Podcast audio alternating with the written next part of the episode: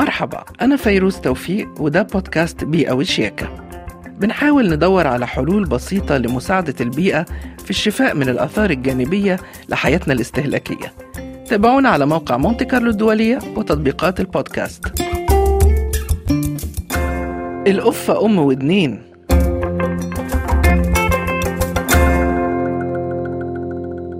منذ طفولتي ما بحبش الأكياس البلاستيكية مش لأن عندي وعي بيئي من الصغر إطلاقا الموضوع ببساطة إنه في البحر المتوسط وتحديدا في الكثير من الشواطئ في مصر الناس كانت بترمي أكياس وأنا عندي رعب من أي شيء هلامي بيعوم في البحر.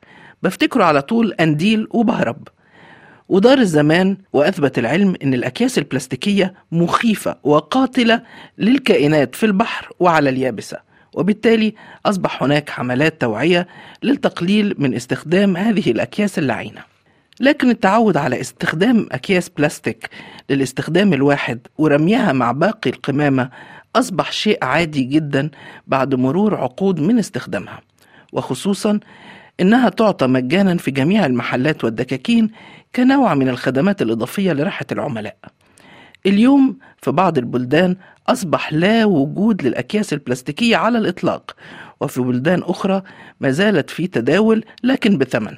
وللأسف في بلاد لسه بتتعامل مع الأكياس البلاستيكية على إنها شيء طبيعي وجزء لا يتجزأ من حياتنا اليومية المعاصرة.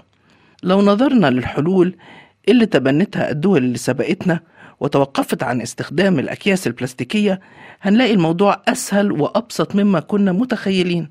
أولا هناك الأكياس الورقية البنية اللون وأصبح هناك منها المقوى لتحمل أوزان ثقيلة. هناك أيضا أكياس مصنوعة من نسيج مقوى قابل للتحلل والأكياس دي ممكن استخدامها للعديد من المرات حتى تتمزق من كثرة الاستخدام.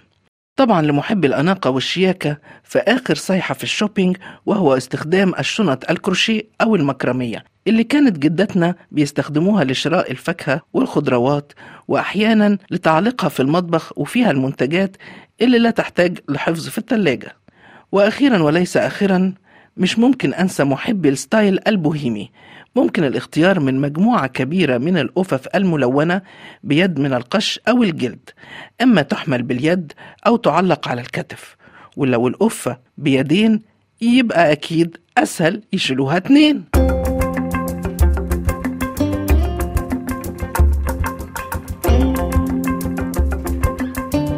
دي نهاية حلقتنا اليوم من بودكاست بيئة والشياكة وأنا فيروز توفيق بحب أدعوكم للاستماع إلى البودكاست على موقع مونتي كارلو الدولية وعلى تطبيقاتنا الرقمية ومنصات البودكاست.